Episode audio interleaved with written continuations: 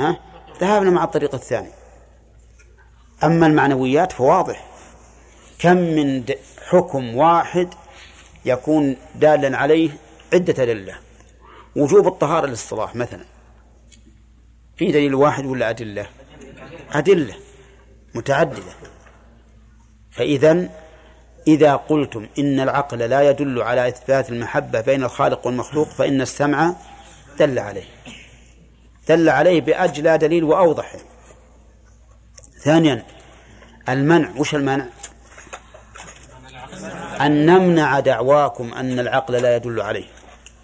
ونقول بل العقل دل على إثبات المحبة بين الخالق والمخلوق كما أشرنا إليه آنفا. وأما قولكم إن المحبة لا تكون إلا بين متجانسين فيكفي أن نقول لا قبول. لا قبول. لأن المنع كاف في رد الحجة. إذ أن الأصل عدم الثبوت. الأصل عدم الثبوت. فنقول دعواكم أنها لا تكون إلا بين متجانسين ممنوع. بل تكون بين غير المتجانسين. فالإنسان عنده ساعة قديمة مضبوطة ما أتعبته بالصيانة. ما هو كل يوم يروح به للدكان المصلح يقول صلحها يقول والله هذه حبيبتي حليلة. زينة ما عمرها فسدت. ويحبه ولا لا؟ تجي الساعة كل يوم تبي له ريال تصليح. يبغضه ولا لا؟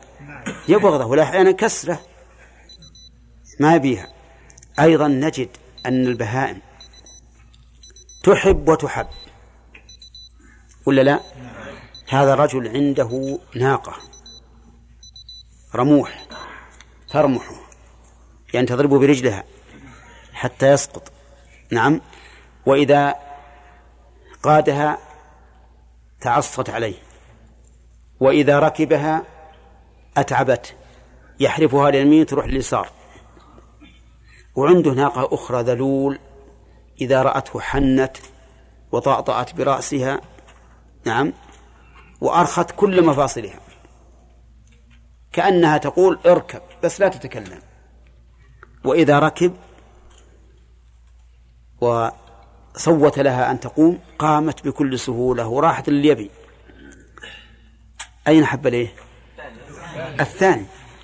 ويحبها وتحبه تألفه وهذا شيء مجرب ومشاهد فتبين أن هذه الدعوة ممنوعة باطلة.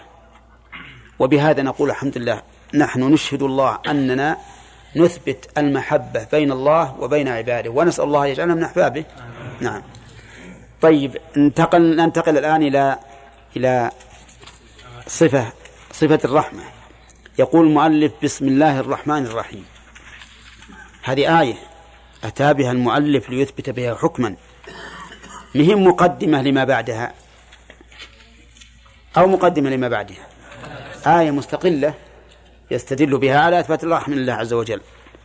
وقد سبقنا شرح هذه الآية مرارا وتكرارا فلا حاجة إلى إعادته.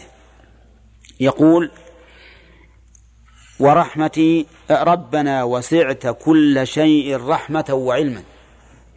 هؤلاء هذا يقوله الملائكة الذين يحملون العرش ومن حوله يسبحون بحمد ربهم ويستغفرون للذين آمنوا. ربنا وسعت كل شيء رحمة وعلما. فاغفر للذين تابوا واتبعوا سبيلك وقهم عذاب الجحيم. الله أكبر. ما أعظم الإيمان. الملائكة حول العرش يحملون العرش يدعون الله لك. الملائكة تدعو الله لك. يقولون هذا. ربنا وسعت كل شيء رحمة وعلما. فاغفر للذين تابوا واتبعوا سبيلك وقهم عذاب الجحيم. ربنا وأدخلهم جنات عدن التي وعدتهم ومن صلح من آبائهم وأزواجهم وذرياتهم إنك أنت العزيز الحكيم. وقهم السيئات ومن تقي السيئات يومئذ فقد رحمته وذلك هو الفوز العظيم. الملائكة يدعون لك. قال ربنا وسعت كل شيء رحمة وعلما. فكل شيء وصله علم الله وهو واصل لكل شيء فإن رحمته وصلت إليه. لأن الله قرن بينهما بهذا الحكم. ربنا وسعت كل شيء رحمة وعلما. وهذه هي الرحمة العامة التي تشمل جميع المخلوقات. حتى الكفار. ها؟ نعم. لأن قلنا الرحمة هذه مع العلم. فكل ما بلغه علم الله وعلم الله بالغ لكل شيء فقد بلغته رحمته. فكما يعلم الكافر يرحم الكافر أيضا. لكن رحمته للكافر رحمة جسدية. رحمة جسدية فقط. بدنية دنيوية قاصرة غاية القصور. بالنسبة لرحمة رحمة المؤمن. فالذي يرزق يرزق الكافر هو الله. الذي يرزقه بالطعام والشراب واللباس والمسكن والمنكح وغير ذلك هو الله. هذه رحمة. أما المؤمنون فرحمتهم رحمة أخص من هذا وأعظم لأنها رحمة إيمانية قلبية. ولهذا تجد المؤمن أحسن حالا من الكافر حتى في أمور الدنيا. لأن الله يقول من عمل صالحا من ذكر أو أنثى وهو مؤمن إيش؟ فلنحيينه حياة طيبة. الحياة الطيبة هذه مفقودة بالنسبة للكفار. حياتهم كحياة البهائم. إذا شبع روث. إذا لم يشبع انصفط بطنه قام يولول. هؤلاء كذلك الكفار. إن شبعوا بطروا ولا قاموا يولولون ولا ولا ولا يستفيدوا من دنياهم. لكن المؤمن إن أصابته ضرة صبر. واحتسب الأجر على الله عز وجل. وإن أصابته سراء شكر. فهو في خير في هذا وفي هذا. وقلبه منشرح مطمئن ماش مع القضاء والقدر. لا جزع عند البلاء ولا بطر عند النعمة. بل هو متوازن مستقيم معتدل. فهذه فرق بين الرحمة هذه وهذه. حتى في الدنيا حتى في الدنيا يفرقون. لكن مع الأسف الشديد يا إخوان أن منا أناسا الآن يريدون أن يلحقوا برقب الكفار في الدنيا يريدون أن يلحقوا بهم. حتى جعلوا الدنيا هي هي همهم. إن أعطوا رضوا وإن لم يعطوا إذا هم يسخطون. هؤلاء مهما بلغوا في الرفاهية الدنيوية فهم في جحيم. ما ذاقوا لذة الدنيا أبدا؟ إنما ذاقها من آمن بالله. ولهذا قال بعض السلف والله لو يعلم الملوك وأبناء الملوك ما نحن فيه لجالدون عليه بالسيوف. وأعطوني إياه يقتلون بالسيوف يأخذونه منا. لأن حال بينهم حال بينهم وبين هذا النعيم ها ما هم عليه. من الفسوق والعصيان والركون إلى الدنيا وأنها هي أكبر همهم ومبلغ علمهم. فتنة. طيب. الرحمن الرحيم قال ربنا وسعت كل شيء رحمة وعلما. وش إعراب رحمة؟ تمييز. تمييز محول عن الفاعل. لأن الأصل ربنا وسعت رحمتك وعلمك كل شيء. فهو محول عن الفاعل. طيب. قال وكان بالمؤمنين رحيما. كان بالمؤمنين. وبالمؤمنين متعلق برحيم. وتقديم المعمول يدل على الحصر. إذن كان بالمؤمنين لا غيرهم رحيما. ولكن كيف نجمع بين هذه الآية وبين التي قبلها؟ ربنا وسعت كل شيء رحمة وعلما وهنا يقول وكان بالمؤمنين. كيف نجمع يا عبد الله بينهما؟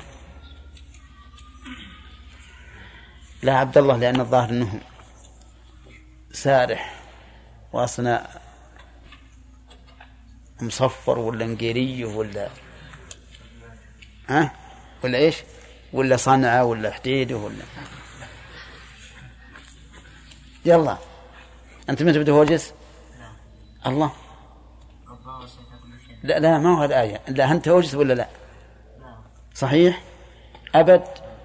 أجل سامحنا جزاك الله خير. نعم. رحمة خاصة. أول شيء العموم. ثم خاص الله سبحانه وتعالى. يعني نقول الرحمة اللي هنا غير الرحمة اللي هناك. هذه رحمة خاصة. رحمة خاصة. متصلة. برحمة الآخرة لا ينالها الكفار. هذا هو الجمع بينهما. وإلا فكل مرحوم لكن فرق بين الرحمة الخاصة وبين الرحمة العامة. طيب يقول عز وجل و ورحمتي وسعت كل شيء. هذا من الله. اللي في الآية التي سبقت كلام من؟ الملائكة. أما هذا فهو كلام الله عز وجل. يقول جل وعلا متمدحا مثنيا على نفسه. رحمتي وسعت كل شيء. نعم. فأثنى على نفسه عز وجل بأن رحمته وسعت يعني شملت كل شيء من أهل السماء ومن أهل الأرض. ونقول فيها ما قلنا في, في الآية السابقة. طيب. و وقال كتب ربكم على نفسه الرحمة. الله أكبر. كتب بمعنى أوجب على نفسه الرحمة. أوجب على نفسه الرحمة. مو إحنا اللي نوجب على الله؟ الله عز وجل لكرمه وفضله وجوده أوجب على نفسه الرحمة. وجعل رحمته سبقت غضبه. ولو يؤاخذ الله الناس بما كسبوا ما ترك على ظهرها من دابة. لكن حلمه ورحمته أوجبت أن يكون أن يبقى الخلق إلى أجل مسمى. يقول عز وجل كتب بمعنى أوجب على نفسه الرحمة. اقرأ ما بعدها. أنه هذه من رحمته. أنه من عمل منكم سوءا بجهالة ثم تاب من بعده وأصلح فأنه غفور رحيم. أنه من عمل منكم سوءا سوءا نكرة في سياق الشرط فتعم كل سوء حتى الشرك. بجهالة يعني بسفة ما هو بجهل عدم علم بسفة عدم حكمة. لأن كل من عصى الله فقد عصاه بجهالة وسفة وعدم حكمة. ثم تاب من بعده وأصلح فأنه غفور رحيم. يغفر له ولا لا؟ يغفر له. ما ختم الآية بهذا إلا سينال المغفرة والرحمة. هذا من رحمته عز وجل التي كتبها على نفسه. وإلا لكان مقتضى العدل أن يؤاخذه على ذنبه ويجزيه على عمله الصالح. انتبه. يعني لو أن المسألة كانت بالعدل هذا رجل أذنب خمسين يوما ثم تاب وأصلح خمسين يوما. العدل إيش؟ نعذبه خمسين يوم عن خمسين يوم ونجازيه بالثواب عن خمسين يوم. لكن الله عز وجل كتب على نفسه الرحمة. كل الخمسين اليوم اللي راحت من السوء ها تمحى. تمحى تزول. لا زد على ذلك فأولئك يبدل الله سيئاتهم حسنات. السيئات الماضية تكون حسنات لأن كل حسنة عنها توبة وكل توبة فيها أجر. إذن ظهر بهذا أثر قوله تعالى كتب ربكم على نفسه الرحمة طيب وقوله وهو الغفور الرحيم. هو أي الله الغفور الرحيم. جمع عز وجل بين هذين الاسمين لأن بالمغفرة سقوط الذنوب وبالرحمة حصول المطلوب. والإنسان مفتقر إلى هذا وهذا مفتقر إلى نجاة ينجو بها من من آثامه ومفتقر إلى سعادة يسعد بها برحمة الله عز وجل. الغفور صيغة مبالغة. مأخوذ من الغفر وهو الستر مع الوقاية. الستر مع الوقاية أو الستر فقط. الستر مع الوقاية. أقول لكم لماذا؟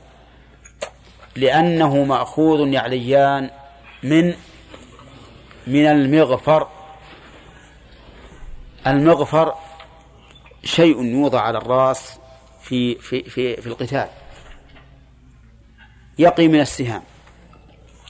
هذا المغفر حصل به فائدتان. هما ستر الرأس والوقاية.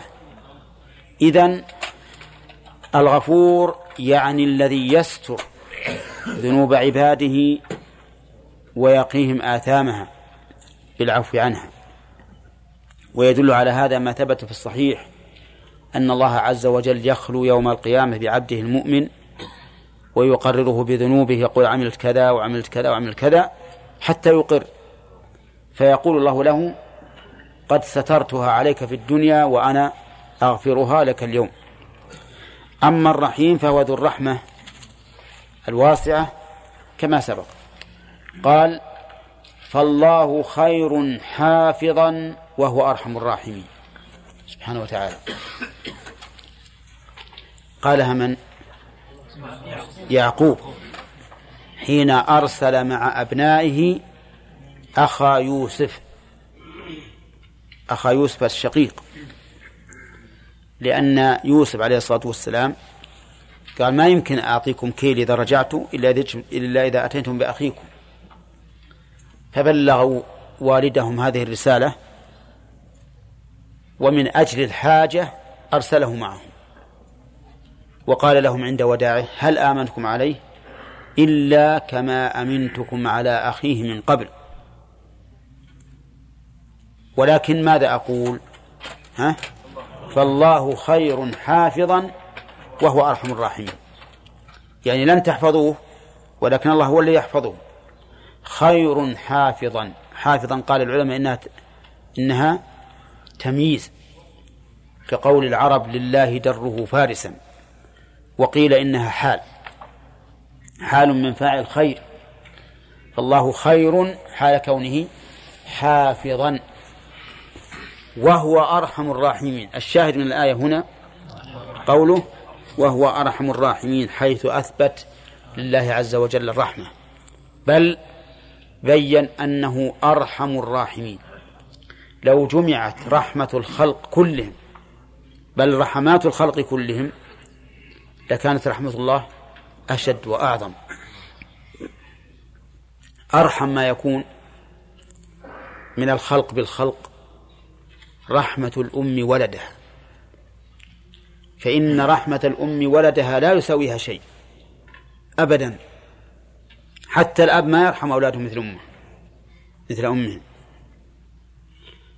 آه، جاءت امرأة في السبي تطلب ولدها تبحث عنه. فلما رأت أخذته بشفقة وضمته إلى صدرها. أمام الناس وأمام الرسول عليه الصلاة والسلام. فقال النبي صلى الله عليه وسلم أترون أن هذه المرأة تلقي ولدها في النار؟ قالوا لا والله يا رسول الله ما تلقي ولدها في النار. قال لله بعباده أرحم من هذه الوالدة بولدها. الله أكبر. إذن الله عز وجل هو أرحم الراحمين. كل الراحمين إذا اجتمعت رحماتهم كلها فليست بشيء. ويدلك على هذا أن الله عز وجل خلق مئة رحمة. وضع منها رحمة واحدة يتراحم بها الخلاق في الدنيا. رحمة واحدة كل الخلائق تتراحم. البهائم والعقلاء كلها تتراحم. ولهذا تجد البعير البعير الجموح الرموح. ترفع رجلها عن ولدها مخافة أن تصيبه. يأتي إليها أرضع ترفع رجله حتى يستانس ويرضع بسهولة ومهل. بل إني أحدثكم أنني أنا رأيت بعيني الذر. تعرفون الذر؟ نعم. كان فيه نخلة سقيناها الماء وكان حولها بيوت للذر. تسرب الماء للبيوت من أسفل فرأيت بعيني كل ذرة معها ولدها ما ولدها. تحمله تذهب به بعيدا عن عن الرطوبة. ماسكته أبيض. ماسكته بفمها كلها تركض عن هذا الماء بأولادها. ما نسيت ولدها في هذه الحال. قالت أتشرد عمري وأخليه. أبدا. تحمله. سبحان الله العظيم. وهي ذرة ما تساوي شيئا. فكيف عاد بما هو أعظم من ذلك؟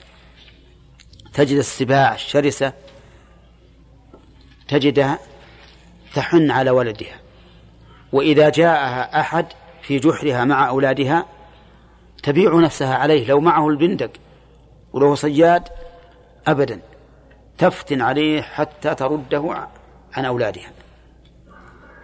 الله عز وجل يقول وهو أرحم الراحمين. نعم. وسيأتي إن شاء الله تعالى بيان الأدلة العقلية على ثبوت الرحمة وآثارها والسلام على نبينا محمد وعلى آله وأصحابه أجمعين. في الدرس الماضي ساق المؤلف رحمه الله شيئا من الآيات الدالة على إثبات الرحمة لله عز وجل. وشرحنا منها ما تيسر. وهي أدلة سمعية على إثبات الرحمة لله عز وجل. وعليه فيجب علينا أن نعتقد بأن لله تعالى رحمة يرحم بها من شاء من عباده.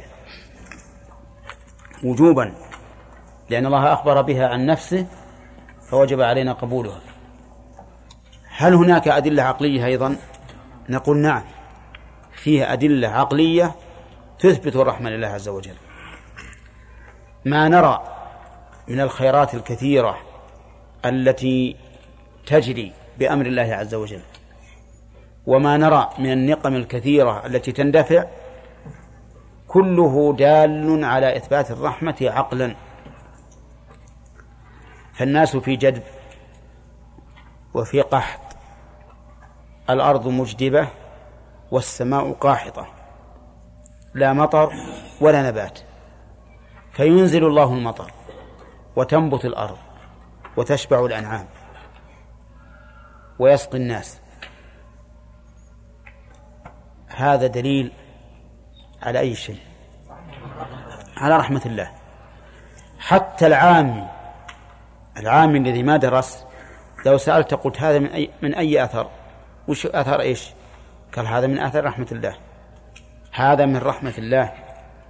ولا يشك أحد في هذا. فرحمة الله عز وجل ثابتة بالدليل السمعي والدليل العقلي. طيب. البحث الث... هذا بحثان إثباتها بالدليل السمعي أولا الإيمان بأن الله رحمة والثاني إثباتها بالدليل السمعي والعقلي المبحث الثالث أنكر الأشاعرة وغيرهم من أهل التعطيل أن يكون الله تعالى متصفا بالرحمة. أنكروا ذلك. لماذا؟ قالوا لأن العقل لم يدل عليه. لأن العقل ما دل عليه ثانيا لأن الرحمة رقة وضعف وتطام للمرحوم وهذا لا يليق بالله عز وجل. لأن الله أعظم من أن يرحم. يعني من أن يرحم بالمعنى اللي هو الرحمة. ولا يمكن أن يكون لله رحمة. إذن هذه الآيات التي يثبت الله له بها الرحمة. قال نعم. المراد بالرحمة إرادة الإحسان. أو الإحسان نفسه. الإحسان نفسه. يعني إما النعم أو إرادة النعم. وليس هو وليس هو رحمة. أو أو من آثار رحمة هي وصف الله. فتأمل الآن كيف سلبوا هذه الصفة العظيمة التي كل مؤمن يرجوها ويؤملها. كل إنسان لو سألته ماذا تريد؟ قال أنا أريد رحمة الله. إن رحمة الله قريب من المحسنين. هم أنكروا هذا والعياذ بالله. وقالوا ما يمكن أن الله يوصف بالرحمة. ونحن نرد عليهم قولهم. فنقول أولا بالمنع والتسليم كما قلنا قبل. بالمنع والتسليم. التسليم أن نقول هب أن العقل لا يدل عليها ولكن السمع دل عليها. فثبتت بدليل آخر. والقاعدة عند جميع العقلاء أن انتفاء الدليل المعين يعني الخاص لا يمنع وجود المدلول أو لا يستلزم انتفاء المدلول. يعني هب أن هذا لم يثبت بالعقل لكن ثبت بالسمع. وكم من أشياء مدلولات تثبت ها؟ لا ما هو بالسمع بأدلة كثيرة تثبت بأدلة كثيرة. أما المنع فنقول إن قولكم إن العقل لا يدل على الرحمة قول باطل بل العقل يدل على الرحمة. هذه النعم المشهودة والمسموعة وهذه النقم المدفوعة ما سببها؟ ها؟ سببها الرحمة بلا شك. لو كان الله لا يرحم العباد ما أعطاهم النعم ولا دفع عنهم النقم. وهذا أمر مشهود يشهد به الخاص والعام. والعام في دكانه أو متجره أو سوقه يعرف أن هذه النعم من آثار الرحمة. والعجيب أن هؤلاء القوم أثبتوا صفة الإرادة عن طريق التخصيص. قالوا الإرادة ثابتة لله تعالى بالسمع والعقل. بالسمع واضح. يريد الله بكم اليسر ولا بكم العسر. بالعقل. قال لأن التخصيص يدل على على الإرادة. وش معنى التخصيص؟ يعني تخصيص المخلوقات بما هي عليه. يدل على الإرادة. كون هذا السماء سماء وهذه الأرض أرض وهذه النجوم وهذه الشمس هذه مختلفة ولا متفقة؟ مختلفة. بسبب إيش؟ بسبب الإرادة. أراد الله أن تكون السماء سماء فكانت وأن تكون الأرض أرضا فكانت وأن تكون النجم نجما فكانت وهكذا. قالوا فالتخصيص تخصيص المخلوقات يدل على الإرادة لأنه لولا الإرادة لكان الكل شيئا واحدا ما يخصص بعض عن بعض. نقول لهم يا سبحان الله العظيم هذا الدليل بالنسبة لدلالة النعم على الرحمة أيهما أقوى وأظهر؟ ها؟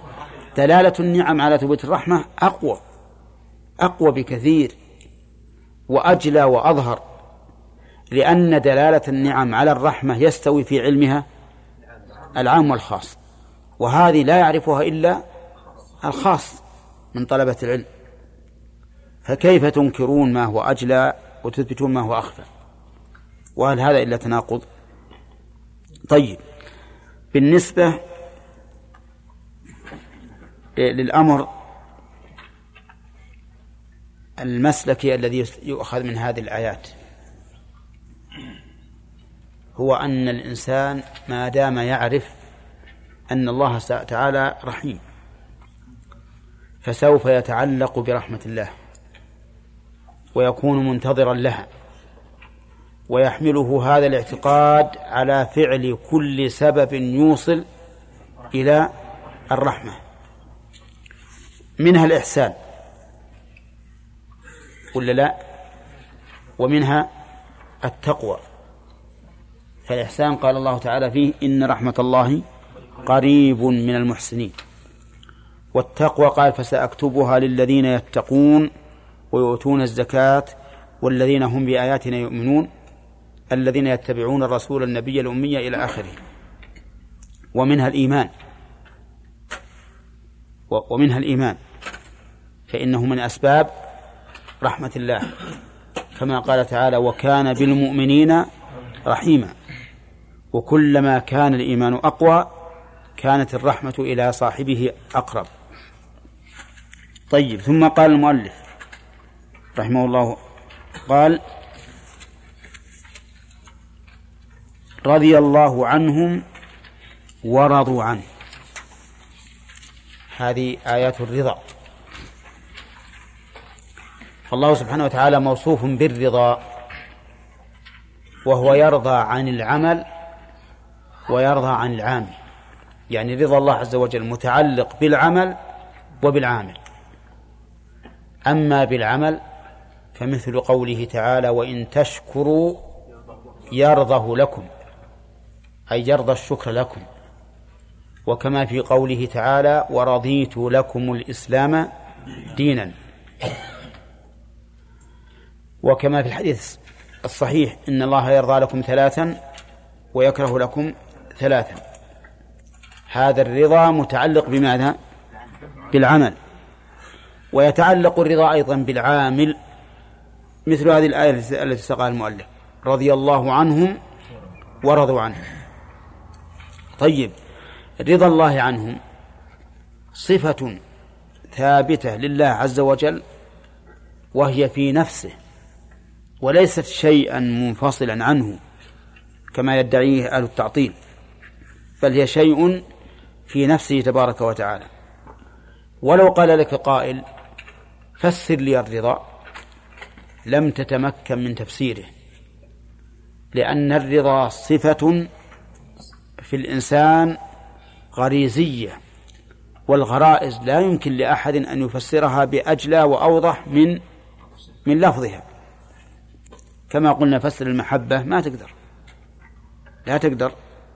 فنقول الرضا صفة في الله عز وجل. صفة في الله. تتعلق بالعمل وتتعلق بالعامل. وهي صفة حقيقية. متعلقة بمشيئته. فهي من الصفات الفعلية. يرضى عن المؤمنين وعن المتقين وعن المطيعين وعن الشاكرين ولا يرضى عن القوم الكافرين ولا يرضى عن القوم الفاسقين ولا يرضى عن المنافقين. فهو سبحانه وتعالى يرضى عن أناس ويعمل ولا يرضى عن أناس ويرضى أعمالا ويكره أعمالا. طيب. هل للرضا دليل سمعي؟ ها؟ نعم. الدليل رضي الله عنه. وعن العمل. وإن تشكروا يرضه لكم. هل له دليل عقلي؟ نعم. له دليل عقلي. كونه عز وجل يثيب الطائعين ويجزيهم على أعمالهم وطاعاتهم يدل على الرضا ولا على الكراهة؟ يدل على الرضا. يدل على الرضا. وعلى هذا فيكون الدليلان السمعي والعقلي كلاهما دل على ثبوت الرضا لله عز وجل. فإن قلت استدلالك بالمثوبة على رضا الله عز وجل قد تنازع فيه لأن الله سبحانه وتعالى قد يعطي الفاسق من النعم أكثر مما يعطي الشاكر. ولا لا؟ طيب.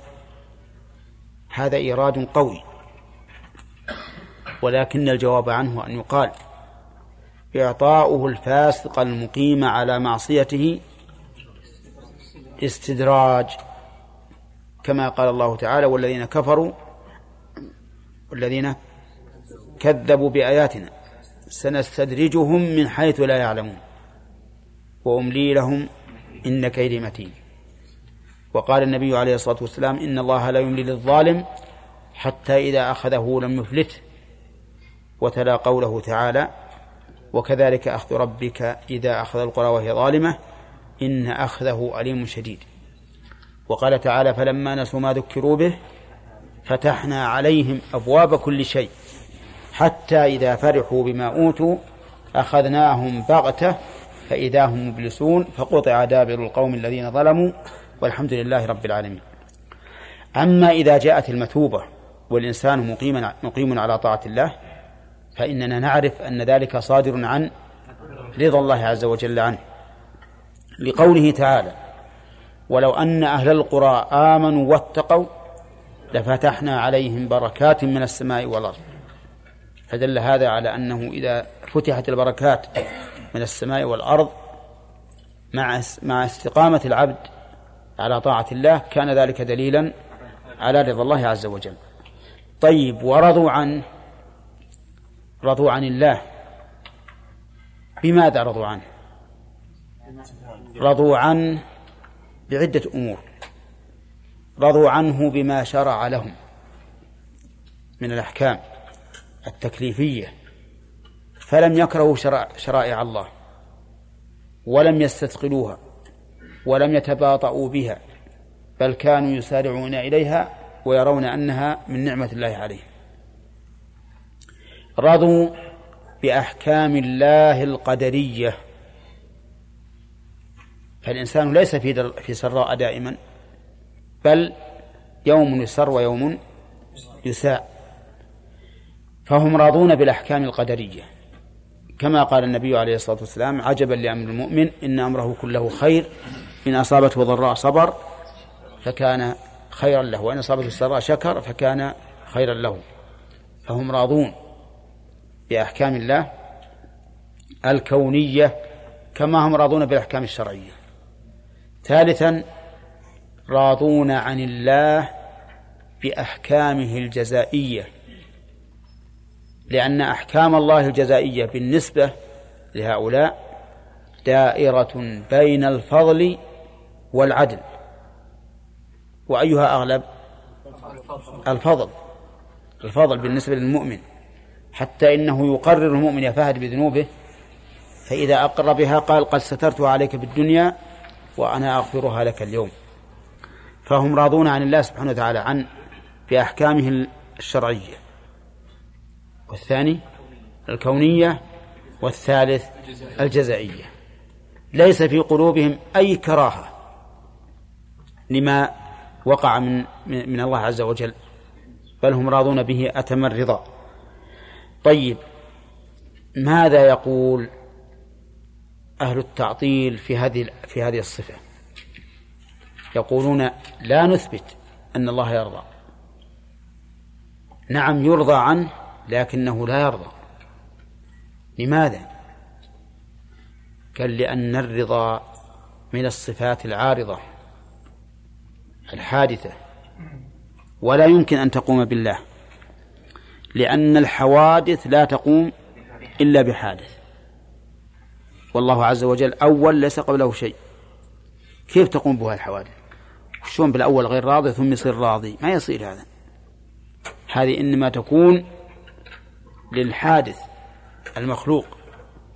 وأيضا فإن الرضا عرض يعني صفة عرضية طارئة. والعرض لا يقوم إلا بجسم. والأجسام متماثلة. ولا يمكن. أن يتصف الله بالرضا. طيب إذا ما معنى رضا الله؟ الله أثبت لنفسه الرضا. هل تنكرون؟ قال لا لكننا نؤوله. فنقول رضي الله عنهم أي أثابهم. شف يفسرون الصفة بلازمها أو بأثرها. أثابهم. وش المانع؟ قال المانع لأن علمناك وش المانع. عقل لا يمكن. فبماذا نجيبهم؟ نجيبهم بما سبق لأن المنع إيش بعد؟ والتسليم. نقول هب أن العقل لا يدل على ذلك لكنه لا يمنعه. وسنبين لكم أنه لا يمنعه. فإذا كان العقل قد لم يدل عليه فالسمع قد دل عليه. كذا. ثم نقول إن العقل قد دل عليه. العقل قد دل عليه. لأن إثابة الله للطائعين يدل على أنه راض عنهم. ولهذا لو أن أحدا أعطى ابنه شيئا من الدراهم أو الكسوة لعده الناس علامة على إيش؟ على الرضا. ولو مسكت واحد من الناس وقمت تضرب بهالعصا. نعم؟ يتلوى على ظهره. عصا صوت تضربه ضرب عظيم. ولا إيش الله يهديك؟ وش قال لأني راض عنك. ها؟ يصلح هذا ولا لا؟ ما يصلح هذا ابدا. لكن لو تعطيه أشياء هدايا وغيرها على فعل فعله لقيل إن هذا الرجل إيش؟ راض عنه. فمثوبة الطائعين تدل بلا شك على رضا الله عنهم. لقد رضي الله عن المؤمنين إذ يبايعونك تحت الشجرة. والسابقون الأولون من المهاجرين والأنصار والذين اتبعهم بإحسان رضي الله عنهم ورضوا عنه. فهذا يدل هذا الثواب دليل على ثبوت الرضا. أما أن تفسر الرضا بالثواب أي بأثره فهذا خطأ. ثم نقول لهم قولكم إن الرضا حادث بعد أن لم يكن. ما الذي يمنع؟ أن يكون الله عز وجل لكمال تصرفه في ملكه يرضى عن أقوام ويسخط أقواما يرضى عن الشخص في حال ويغضب عليه في حال أخرى ما المانع؟ وهل هذا إلا من كمال ربوبيته؟ أن يكون فعالا لما يريد؟ فهذا لا شك أنه من كمال ربوبيته وكماله عز وجل. ثم قولكم إن الحوادث لا تقوم إلا بحادث ليس بصواب. لأننا نرى أن الحوادث لا يلزم منها مقارنة المحدث. انتبه. الحوادث لا يلزم منها مقارنة المحدث. وش معنى هذا؟ يعني أنا مثلا الآن أنا حادث لا شك أفعالي حادثة. هل يلزم من هذه الحادثة أن تقارنني؟ إذا كان لا يلزم فإذا لا يلزم من قيام الحوادث بالله عز وجل أن يكون هو محدثا أو حادثا محدثا أو حادثا. لا يلزم. لأن الحوادث لا يشترط فيها مقارنة إيش؟ المحدث. بل المحدث سابق على على حوادثه. يعني أن ما أحدثه أنا أنا سابق عليه. لم تقارني أفعالي لم تقارني كذلك أفعال الله من الرضا والغضب والسخط وغيرها. لازم أن تكون مقارنة لله وعليه فيمكن أن تكون حادثة بعد أن بعد أن لم تكن. وقولكم أيضا إن الحوادث إنها عرض والعرض لا يقوم إلا بجسم هذا غير صحيح. فالأعراض تقوم بغير الأجسام.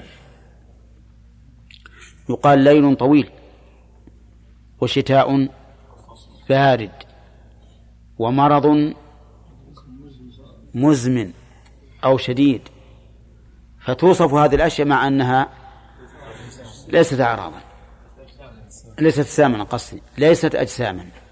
وبهذا تبين أن كل تعاليلهم عليلة بل ميتة ما لها وجه.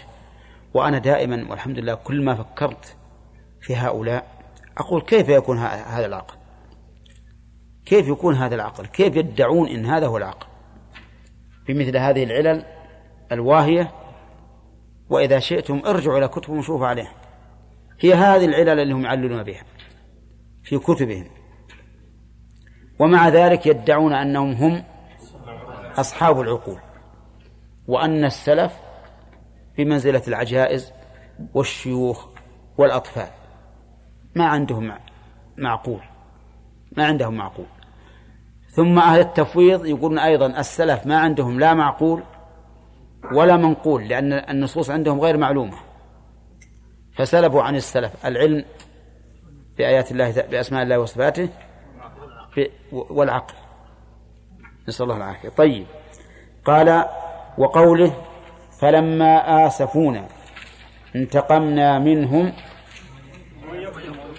كيف؟ نعم. ومن يقتل مؤمنا متعمدا فجزاؤه جهنم خالدا فيها وغضب الله عليه ولعنه وأعد له عذابا عظيما. ها؟ المسلكية على النمط نعم نخليها بعد ذا. لأن الكراهة والبغض والسخط متقارب. قوله تعالى ومن يقتل مؤمنا متعمدا. من؟ شرطية. فجزاؤه. هذه الشرطية كما مر علينا تفيد العموم. لكن لا شك أن المراد بها من كان بالغا عاقلا. يعني ما المراد بالقاتل البالغ العاقل. وعليه فهي عام أريد به الخصوص.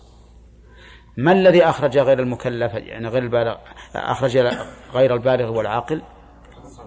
النصوص الأخرى الدالة ثم إن قوله متعمدا يدل على إخراج الصغير والمجنون لأن هؤلاء ليس لهم قصد ولا عمد. هذا الذي قتل المؤمن شف مؤمنا ولم يقل الله تعالى معصوما لأن هناك فرقا بين المعصوم والمؤمن. إذ أن المعصوم أربعة أنواع من البشر. المسلم والذمي والمعاهد والمستأمن. بالكسر يا ياسر. مستأمن. هؤلاء كلهم معصومون. لكن المؤمن معصوم بدون سبب. إسلامه عصم دمه وماله. والذمي والمعاهد والمستأمن لا بد فيهم من عقود. تجري بينهم وبين المسلمين وإلا فليسوا معصومين. طيب الذي يقتل مؤمنا متعمدا جزاؤه هذا الجزاء العظيم. جهنم وهي النار. خالدا فيها أي ماكثا فيها. ثالثا وغضب الله عليه.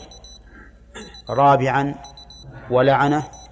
خامسا وأعد له عذابا عظيما. أعوذ بالله.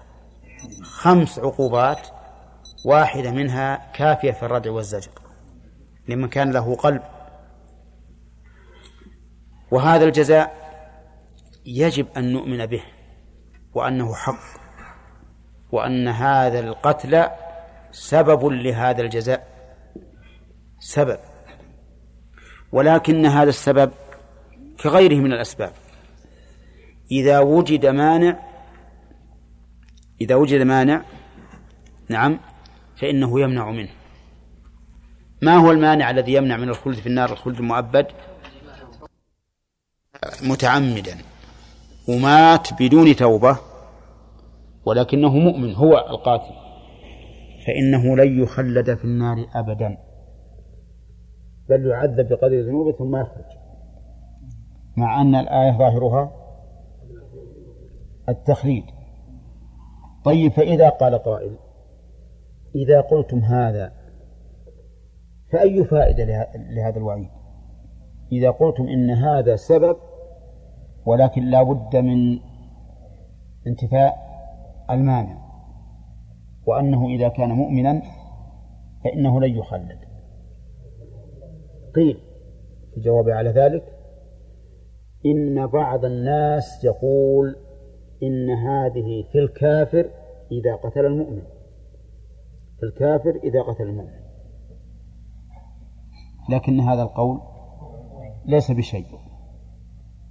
لأن الكافر جزاؤه جهنم خالدا فيها وإن لم يقتل المؤمن. إن الله لعن الكافرين وأعد لهم سعيرا خالدا فيها أبدا. لا يجدون وليا ولا نصيرا. قال بعضهم إن هذا في من استحل القتل. وحينئذ من استحل القتل فلن يوجد له مانع يمنعه من الخلود لأن الذي يستحل قتل المؤمن كافر. وعجب الإمام أحمد من هذا الجواب. قال كيف هذا؟ إذا استحل قتله فهو كافر وإن لم يقتله وهو مخلد في النار وإن لم يقتله. صح ولا لا؟ إذا لا يستقيم هذا الجواب. لا يستقيم طيب. قال بعضهم إن هذا هذه الجملة على تقدير شرط. فجزاؤه جهنم خالدا فيها إن جازاه. إن جازاه. جزاؤه إن جازاه. يعني ويمكن ألا يجازيه. قلنا إذن أي فائدة يقول جزاء جهنم؟ ما دام إن جازاه فنحن الآن نسأل إذا جازاه فهل هذا جزاؤه؟ إذا قلتم هكذا معناه أنه صار خالدا في النار فتعود المشكلة ولا نتخلص. طيب وش بقى عندنا؟ بقي عندنا القول الأول اللي أشرنا إليه أن هذا سبب ولكن إذا وجد مانع لم ينفذ السبب. كما نقول القرابة سبب للإرث وإذا كان القريب رقيقا يرث ولا ما يرث؟ ما يرث. نقول هذا الفعل سبب للخلود وإذا كان الفاعل مؤمنا فإنه لا يرث ولكن يرد علينا الإشكال. ها؟ أستغفر إيه. وإذا كان إيش؟ مؤمنا لا يخلد. نقول لكن يرد علينا الإشكال. إذا ما الفائدة؟ نقول الفائدة أن الإنسان الذي يقتل مؤمنا متعمدا فقد فعل السبب الذي يخلد فيه في النار. وحينئذ يكون وجود المانع محتملا. ولا لا؟ قد يوجد وقد وقد لا يوجد فهو على خطر. ولهذا قال النبي عليه الصلاة والسلام لا يزال المؤمن في فسحة من دينه ما لم يصب دما حراما. فإن أصاب دما حراما والعياذ بالله فإنه قد يضيق بدينه بعدما بعد أن كان في فسحة. منشرحا صدره به قد يضيق بدينه حتى يخرج منه. وعلى هذا فيكون الوعيد هنا باعتبار المآل لأنه يخشى أن إيش؟ أن يكون هذا القتل سببا لكفره وحينئذ يموت. على الكفر فيخلد. فيكون إذن هذه الآية على هذا التقدير. فيها ذكر سبب السبب. أولى.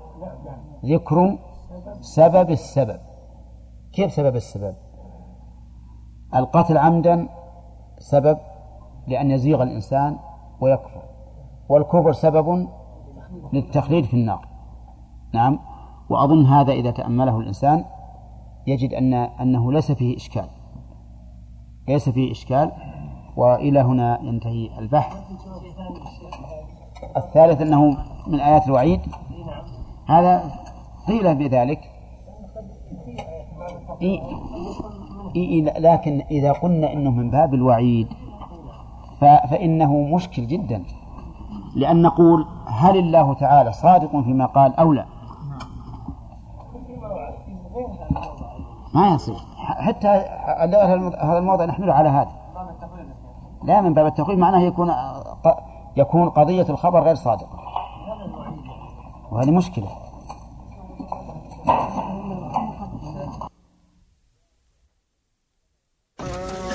نعم. ذلك بأنهم اتبعوا ما أسخط الله وكرهوا رضوانه. ذلك المشار يعود على ما سبق. ما الذي سبق من الآيات؟ لا لا لا.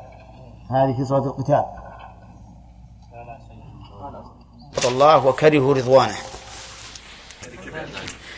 يعني فكيف تكون حالهم في تلك اللحظات إذا توفتهم الملائكة يضربون وجوههم وأدبارهم عند الموت أو عند الوفاة؟ ذلك إيش؟ الوفاة ولا ضرب الوجوه والأدبار ضرب الوجوه والأدبار لأن الوفاة لكل أحد. ذلك بأنهم أي بسبب فالباء للسببية اتبعوا ما أسخط الله أي الذي أسخط الله. فصاروا يفعلون كل ما به سخط الله عز وجل من عقيدة أو قول أو فعل. أما أما ما فيه رضا الله وكرهوا رضوانه. فصاروا والعياذ بالله عاقبتهم تلك العاقبة الوخيمة أنهم عند الوفاة تضربهم الملائكة وجوههم وأدبارهم. في هذه الآية من صفات الله إثبات السخط والرضا. ما أسخط الله ففيها دليل على أن هناك أشياء تسخط الله. كرهوا رضوانه في دليل على أن هناك أشياء ترضي الله ففيه إثبات السخط وإثبات الرضا. وكذلك في قوله فلما آسفونا انتقمنا منهم. آسفونا يعني أغضبونا وأسخطونا. لما آسفونا انتقمنا منهم. ونحن نعلم أن لما هنا شرطية فعل الشرط فيها آسفون وجوابه انتقمنا منهم ونعلم أيضا أن الشرط غير المشروط. بل هو بائن منه. لأنك تقول لو قلت إن قام زيد قام زيد لم يكن له فائدة. لو كان الآسفون هنا معناها انتقمنا منهم لما لما انتقمنا منهم انتقمنا منهم لم يكن له فائدة. فتغاير الشرط والمشروط أمر معلوم. في العقول واللغات كلها. نأخذ من الآية الثانية أيضا إثبات إيش؟ الغضب. إثبات الغضب. ونأخذ منها الرد على من فسروا السخط والغضب بالانتقام. لأن أهل التعطيل من الأشعرية وغيرهم يقولون إن المراد بالسخط والغضب الانتقام أو إرادة الانتقام. ولا يفسرون بالسخط والغضب بصفة من صفات الله عز وجل. يتصف بها هو نفسه. لا يقول غضبه أي انتقامه غضبه إرادة انتقامه. أتدرون لماذا يفسرون بالإرادة لأنهم ها يثبتون الإرادة. فهم إما أن يفسروا هذا الشيء بالمفعول المنفصل عن الله وهو الانتقام أو بالإرادة لأنهم يقرون بها. ولا يفسرونه بأنه صفة ثابتة لله على وجه الحقيقة تليق به ونحن نقول لهم بل السخط والغضب غير الانتقام. السخط والغضب غير الانتقام. والانتقام نتيجة الغضب والسخط. كما نقول إن الثواب نتيجة إيش؟ الرضا. فالله تعالى يسخط على هؤلاء القوم ويغضب عليهم ثم ينتقم منهم. طيب إذا قالوا إن العقل يمنع ثبوت السخط والغضب لله عز وجل فإننا نجيبهم بما سبق في صفة الرضا لأن الباب واحد. ونقول بل العقل يدل على السخط والغضب. فإن الانتقام من المجرمين وتعذيب الكافرين دليل على إيش؟ على السخط والغضب. وليس دليل على الرضا ولا على عدم ولا ولا على انتفاء الغضب والسخط. ونقول هذه الآية فلما آسفونا انتقمنا منهم ترد عليكم. لأنه جعل الانتقام إيش؟ غير الغضب غير الغضب. لأن الشرط غير المشروط. بقى أن يقال فلما آسفونا نحن نعرف أن الأسف والحزن والندم على شيء مضى على الإنسان على, على النادم لا يستطيع رفعه. فهل يوصف الله بالحزن والندم؟ لا. إذا كيف نجيب عن الآية؟ نقول إن الأسف في اللغة له معنيان. المعنى الأول الأسف بمعنى الحزن. مثل قول يعقوب يا أسفا على يوسف. وبيضت عينه من الحزن. ويطلق الأسف على الغضب. فيقال أسف عليه يأسف بمعنى غضب. عليه. والمعنى الأول منتف بالنسبة لله عز وجل. والثاني مثبت لله لأن الله تعالى وصف به نفسه.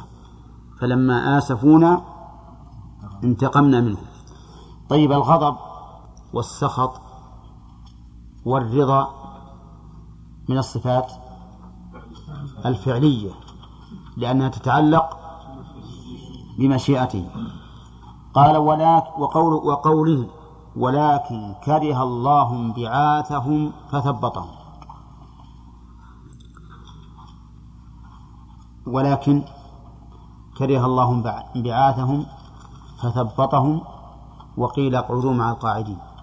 يعني بذلك المنافقين الذين لم يخرجوا مع النبي صلى الله عليه وسلم في الغزوات لأن الله تعالى كره انبعاثهم. لأن عملهم غير خالص له. والله تعالى أغنى الشركاء عن الشرك. ولأنهم إذا خرجوا كما قال الله تعالى لو خرجوا فيكم ما زادوكم إلا خبالا ولا أوضعوا خلالكم يبغونكم الفتنة.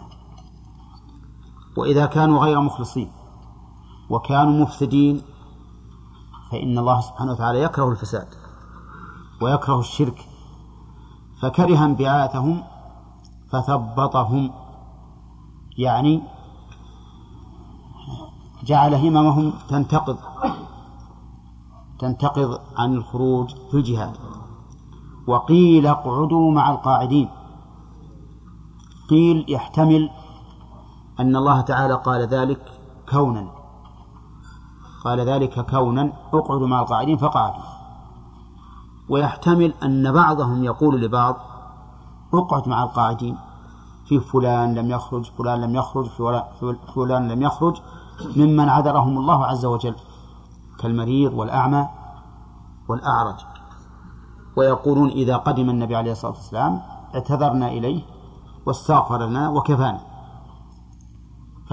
فالقيل هنا مبهم الفاعل فيحتمل أنه الله وحينئذ يحمل على قول الكوني ولا الشرعي؟ الكوني لأن الله لا يقول شرعا اقعدوا عن الجهاد. ويحتمل أنه قول بعضهم لبعض. ويمكن أن نقول إننا نجمع بين القولين لأنه إذا قيل لهم ذلك وقعدوا فهم ما قعدوا إلا بقول الله عز وجل. طيب هنا في الآية من صفات الله قوله كره الله انبعاثهم. ففيها إثبات الكره لله أي أن الله يكره عز وجل. وهذا أيضا ثابت في الكتاب والسنة. قال الله تعالى وقضى ربك ألا تعبدوا إلا إياه إلى قوله كل ذلك كان سيئه عند ربك مكروها وكما في الآية التي معنا.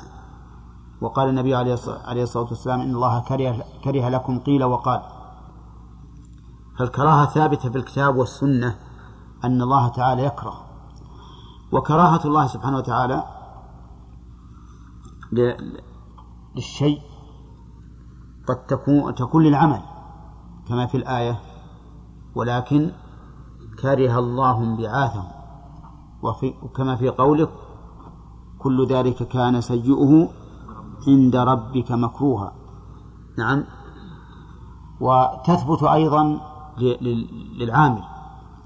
كما جاء في الحديث إن الله تعالى إذا أبغض عبدا نادى جبريل إني أبغض فلانا فأبغضه. فالله تعالى يبغض من يستحق وما يستحق البغض. من يستحق البغض وما يستحق البغض. طيب وقوله كبر مقتا عند الله أن تقولوا ما لا تفعلون.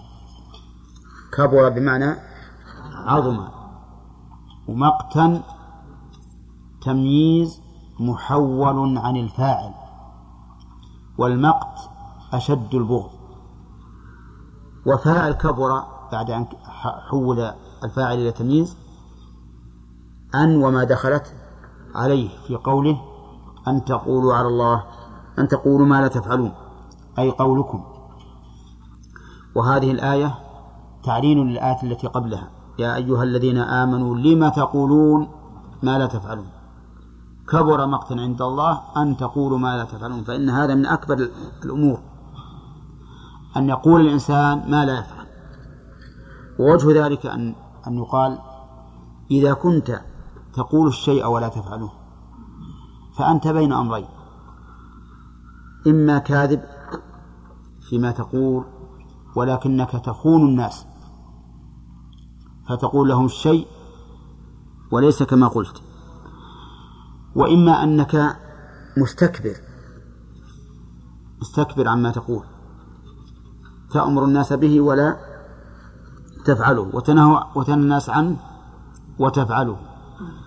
وينطبق هذا تماما على أولئك الذين يقولون إن العبادات لا يؤمر بها إلا العامة.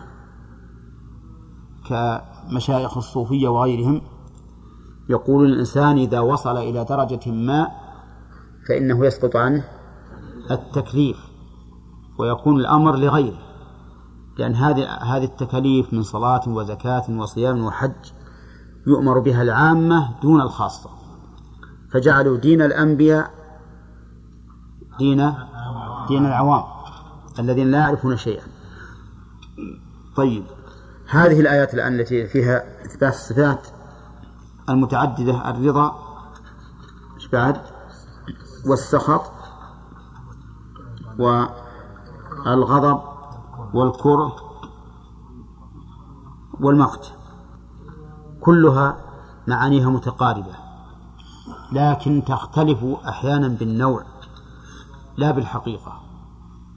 وإلا فإن السخط والغضب والمقت والكراهة والبغض كلها متقاربة المعنى. كلها متقاربة لكن تختلف في أنواعها شدة وخفة في هذا المعنى العام الذي يشمل جميعها. أما الرضا فظاهر أنه رضا الله عن, عن الشيء عن العامل أو عن العمل يجب أن نثبت لله تعالى هذه الصفة التي أثبتها لنفسه. وقد ذكرنا لكم بارك الله فيكم الأدلة السمعية إيش؟ والعقلية على ثبوت هذا الشيء. المبحث الثالث في هذه الآيات ما نستفيده من الناحية المسلكية. نستفيد من هذه الآيات أن كل شيء علق الله الكراهة به فإنه يجب علينا أن نبتعد عنه لئلا تصيبنا كراهة الله عز وجل. كل شيء يكرهه الله فإننا نبتعد عنه. وهذا هو مقتضى مقتضى مقتضى الطبيعة والفطرة. أن الإنسان يبتعد عن كل ما يكرهه حبيبه. أنت لو صادقت شخصا مصادقة صادقة هل تفعل ما يكرهه؟ لا بل تنفر منه. هكذا أيضا إذا علمت أيها المؤمن بأن ربك يكره هذا الشيء فسوف تبتعد عنه ابتعادا شاسعا. طيب الذي يرضاه بالعكس.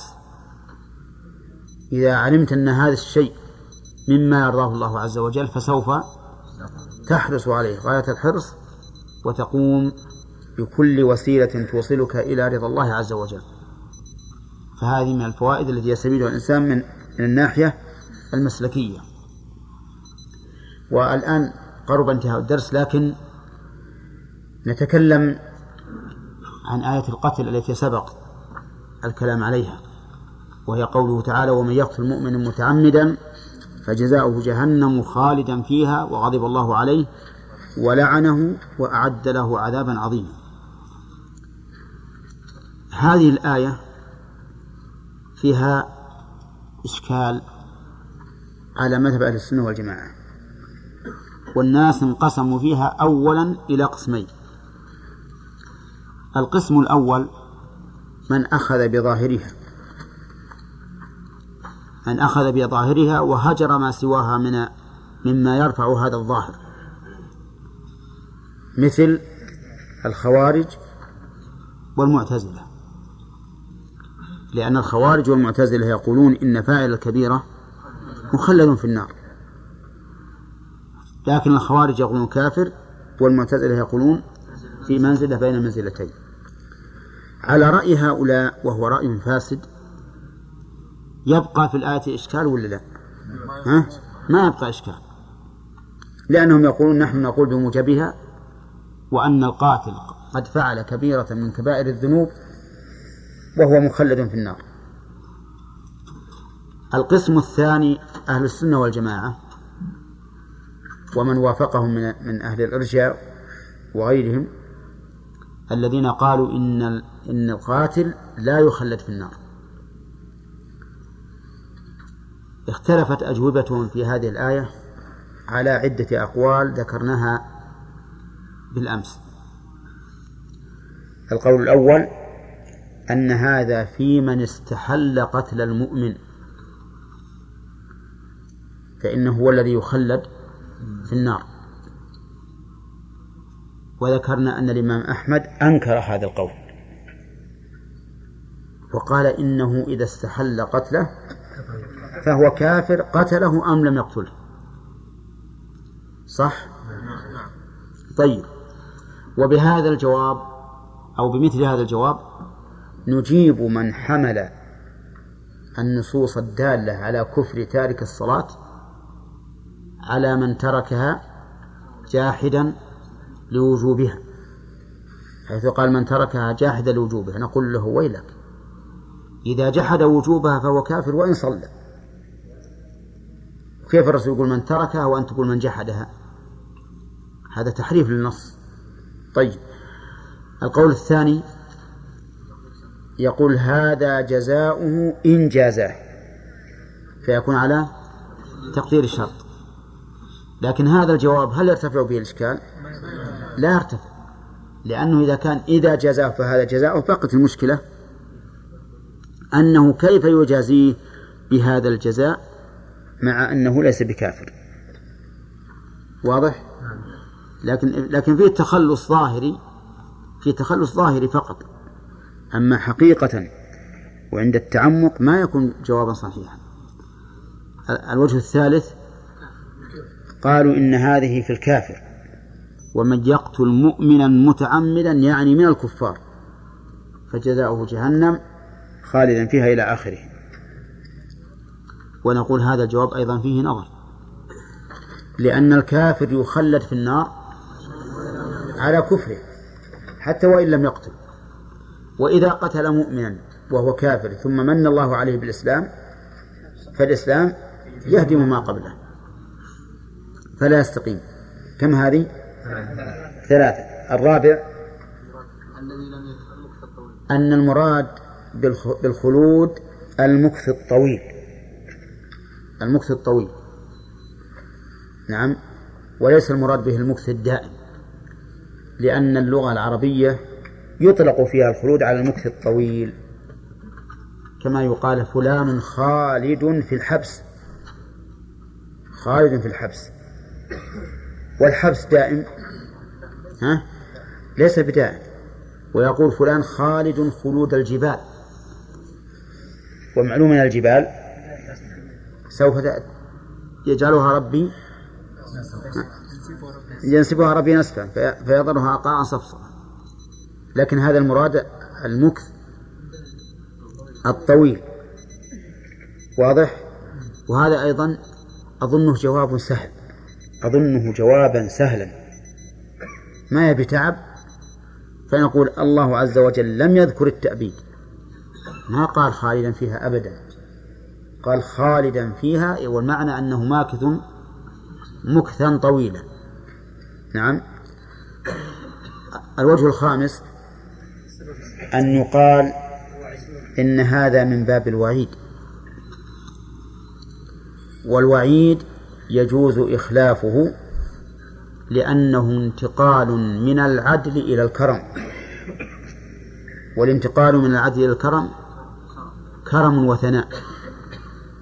نعم.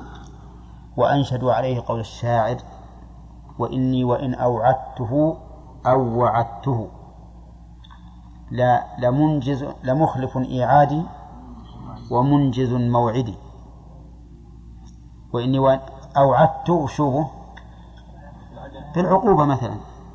أو وعدته بالثواب. لمخلف إيعادي ومنجز موعدي.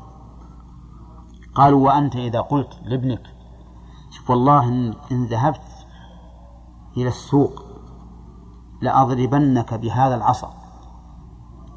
لأضربنك بهذا العصا. وراح السوق. فلما رجع ضربته بيدك. وش هذا؟ كرم ولا لا؟ لأنه أهون. المرة الثانية قلت والله إذا إن ذهبت إلى السوق لأضربنك بهذا العصا. شوف العصا. هذا العصا المتين. فذهب إلى السوق ورجع. قلت له ليش تروح للسوق؟ اصحى لا عمرك تروح للسوق. يلا ادخل ادخل تغد. نعم. وش يعد هذا؟ هذا كرم أكرم من الأول. فقالوا إذا توعد الله عز وجل القاتل بهذا الوعيد ثم أخلف فهذا كرم. ولكن هذا في الحقيقة فيه شيء من من النظر. لأننا نقول إن نفذ هذا الوعيد فالإشكال باقي. وإن لم ينفذ فلا فائدة منه. فلا فائدة منه. لم ينفذ لا فائدة منه. القول السادس أن يكون هذا هو التهديد والوعيد واحد أن يكون هذا من باب ذكر السبب. من باب ذكر السبب. أي أن قتل النفس عمدا سبب للخلود في النار سواء قلنا إنه يكون سببا لأنه إذا قتل نفس والعياذ بالله ربما يزيغ قلبه. كما جاء في الحديث لا يزال المرء في فسحة من دينه ما لم يصب دما حراما. فإذا زاغ قلبه وكفر استحق الخلود. استحق الخلود. عرفت؟ أولى. فيكون هذا مآل سبب ها؟ ناتج عن سبب. يعني سبب السبب.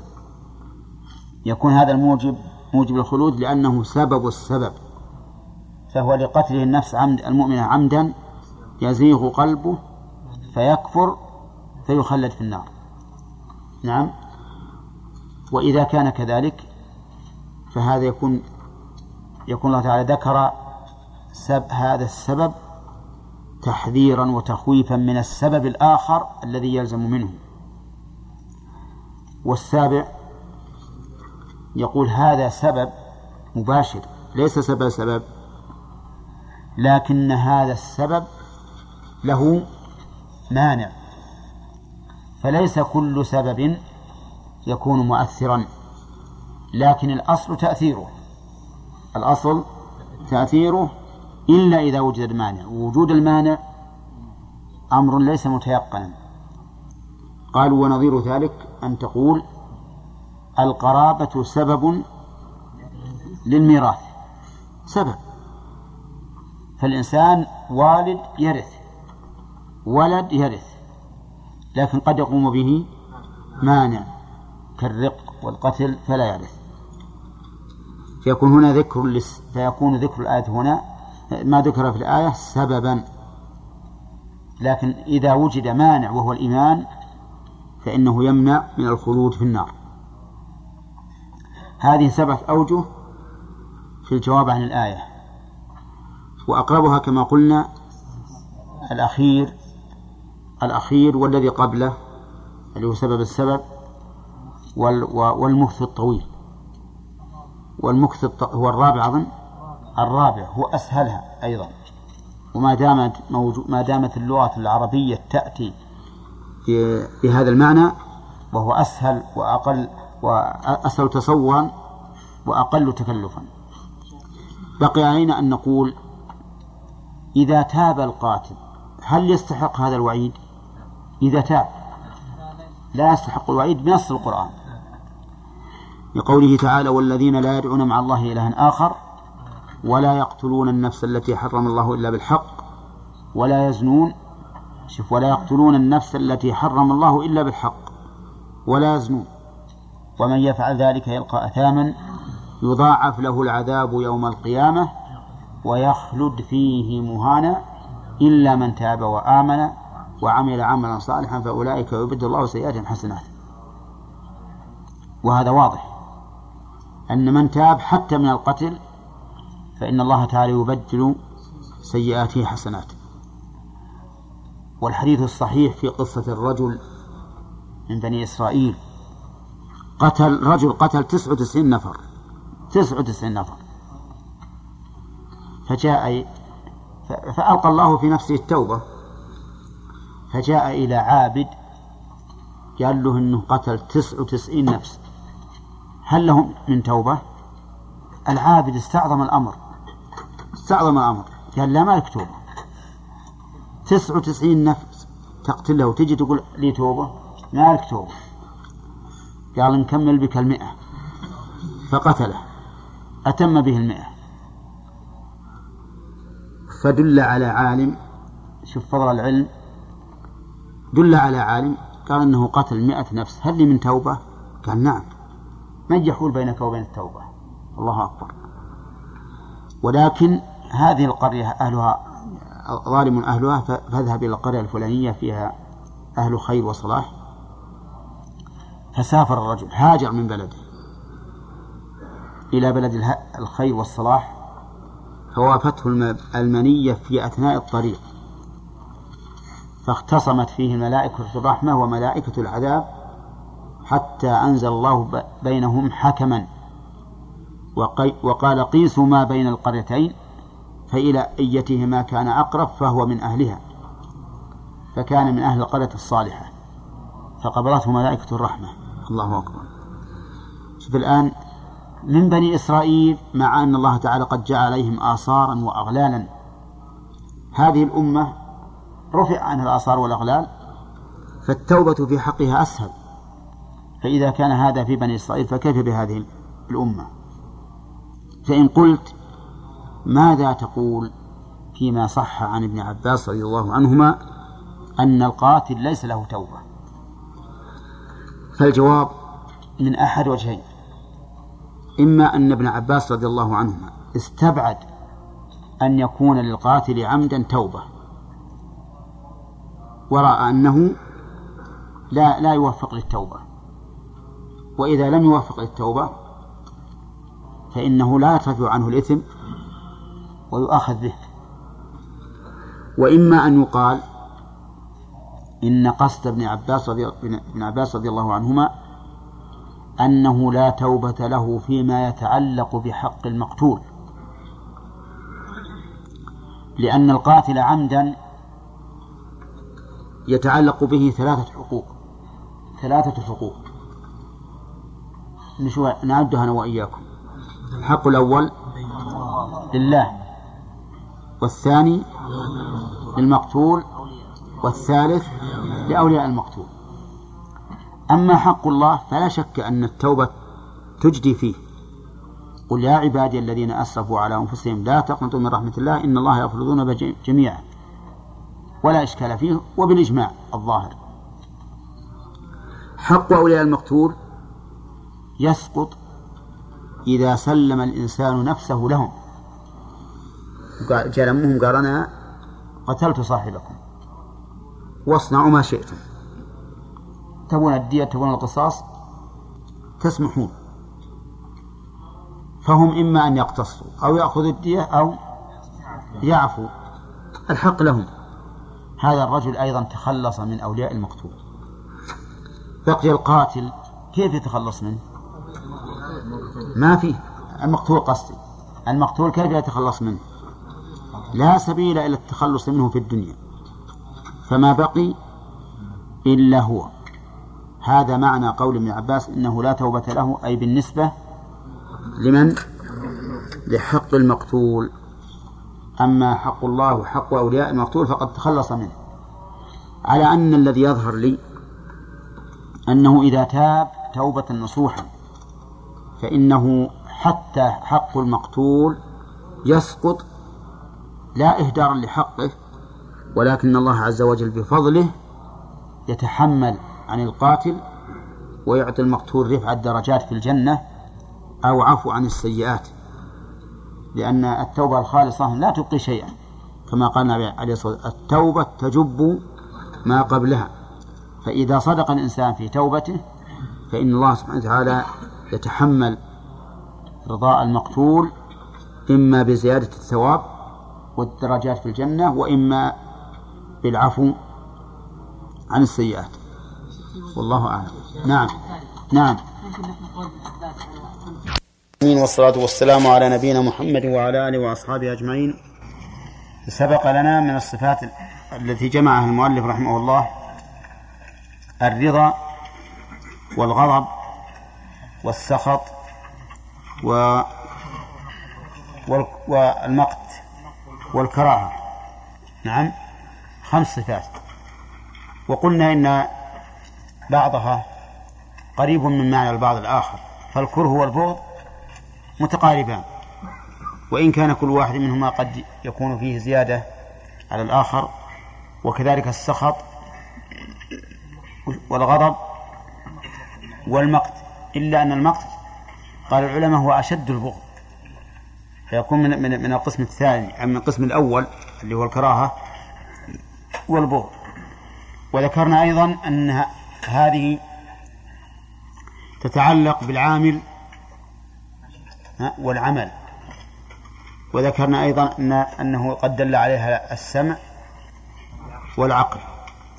وذكرنا أن فائدتها المسلكية هو أن الإنسان يحرص على تجنب ما فيه الكراهة والغضب والسخط ويفعل ما فيه الرضا والمحبة والقبول. ثم قال هل ينظرون إلا أن يأتيهم الله في ظلل من الغمام والملائكة؟ قوله هل ينظرون. هل هنا استفهام بمعنى النفي؟ استفهام بمعنى النفي يعني ما ينظرون. وكلما وجدت إلا بعد الاستفهام فالاستفهام يكون للنفي. هذه قاعدة. كلما جاءت إلا بعد الاستفهام فهو للنفي. قال النبي عليه الصلاة والسلام هل أنت إلا إصبع دميتي أي ما أنت. هل ينظرون إلا الساعة أن تأتيهم بغتة؟ أي ما ينظرون. ومعنى ينظرون هنا ينتظرون لأنها لم تتعد بإلى. لو تعدت بإلى لكان معناها النظر بالعين غالبا. أما إذا تعدت بنفسها فهي بمعنى ينتظرون. أي ما ينتظر هؤلاء المكذبون إلا أن يأتيهم الله في ظلل من الغمام. وذلك يوم القيامة يأتيهم الله في ظلل. وفي هنا بمعنى مع فهي للمصاحبة. وليست للظرفية. ليست للظرفية قطعا لأنها لو كانت للظرفية لكانت أوسع من الله عز وجل. ومعلوم أن الله تعالى واسع عليم. فالمعنى في ظلل أي مصحوبا فيه. كما يقال فلان في القوم ما هو في وسطهم حتى لو كان في أطرافهم أي مع القوم. نعم. ففي ظلل أي مع الظلل. فإن الله تعالى عند نزوله جل وعلا في الفصل بين عباده تشقق السماء بالغمام. غمام أبيض ظلل عظيمة لمجيء الله تبارك وتعالى. وقوله آه، في ظلل من الغمام. الغمام قال العلماء إنه السحاب الأبيض. إنه هو السحاب الأبيض. كما قال تعالى ممتنا على بني إسرائيل وظللنا عليكم الغمام. لأن السحاب الأبيض غالبا يكون باردا أبرد من غيره. والسحاب الأبيض يبقي الجو مستنيرا بخلاف الأسود والأحمر فإنه تحصل به الظلمة. وقوله والملائكة الملائكة بالرفع ولا بالجر؟ في ظلل من الغمام والملائكة. ها؟ بالرفع. معطوف على؟ على لفظ الجلالة. الله الله. يعني أو تأتيهم الملائكة. والملائكة تقدم أنهم جمع مألك. نعم. ومألك مأخوذ من الألوكة وهي الرسالة. ثم نقلت الهمزة من مكانها إلى ما بعد اللام فصارت ملأك. ملأك. ثم حذفت الهمزة فصار ملك. هكذا يقول النحويون والله أعلم. نعم. نعم. يا نقول الملائكة جمع ملك. وهكذا. هذا بسيط جدا. لكن إذا أردنا أن نعلل ونأتي بالأصل نقول ما ذكرنا أولا. قوله الملائكة تأتي. متى؟ تأتي يوم القيامة. لأنها تنزل في الأرض. ينزل أهل السماء الدنيا ثم الثانية ثم الثالثة ثم الرابعة وهكذا. إلى السابعة. يحيطون بالناس. وهذا تحذير من هذا اليوم الذي يأتي على هذا الوجه فهو مشهد عظيم من مشاهد يوم القيامة يحذر الله به هؤلاء المكذبين. وقوله هل ينظرون إلا أن تأتيهم الملائكة؟ أو يأتي ربك؟ أو يأتي بعض آيات ربك؟ يقول فيها هل ينظرون إلا؟ ما قلناه في الآيات السابقة. أي ما ينتظر هؤلاء إلا واحدا أو إلا واحدة من هذه الأحوال. أولا إلا أن تأتيهم الملائكة أي لقبض أرواحهم لقبض أرواحهم. ولو ترى إذ يتوفى الذين كفروا الملائكة يضربون وجوههم وأدبارهم وذوقوا عذاب الحريق. هذا واحد. أو يأتي ربك متى؟ يوم القيامة؟ للقضاء بينهم. أو يأتي بعض آيات ربك. وهذه طلوع الشمس من مغربها. فسرها بذلك النبي صلى الله عليه وسلم. وإنما ذكر الله هذه الأحوال الثلاث لأن الملائكة إذا نزلت لقبض أرواحهم لا تقبل منهم التوبة. لقوله تعالى وليست التوبة للذين يعملون السيئات حتى إذا حضر أحدهم الموت قال إني تبت الآن وكذلك أيضا إذا طلعت الشمس من مغربها فإن التوبة لا تقبل وحينئذ لا يستطيعون الخلاص مما هم عليه. وذكر الحالة الثالثة بين الحالين لأنه وقت الجزاء وثمرة العمل فلا يستطيعون التخلص مما عملوه في تلك اللحظة. والغرض من هذه الآية والتي قبلها تحذير هؤلاء المكذبين من أن يفوتهم الأوان ثم لا يستطيعون الخلاص من أعمالهم. وقال تعالى كلا إذا دكت الأرض دكا دكا كلا هنا للتنبيه. مثل ألا. وقوله إذا دكت الأرض دكا دكا هذا يوم القيامة. وأكد هذا الدك لعظمته لأنها تدك الجبال والشعاب وكل شيء يدك حتى تكون كالأديم. الأديم هو الجلد. جذرها قاعا صفصفا لا ترى فيها عوجا ولا أمتا قال وجاء ربك والملك صفا صفا.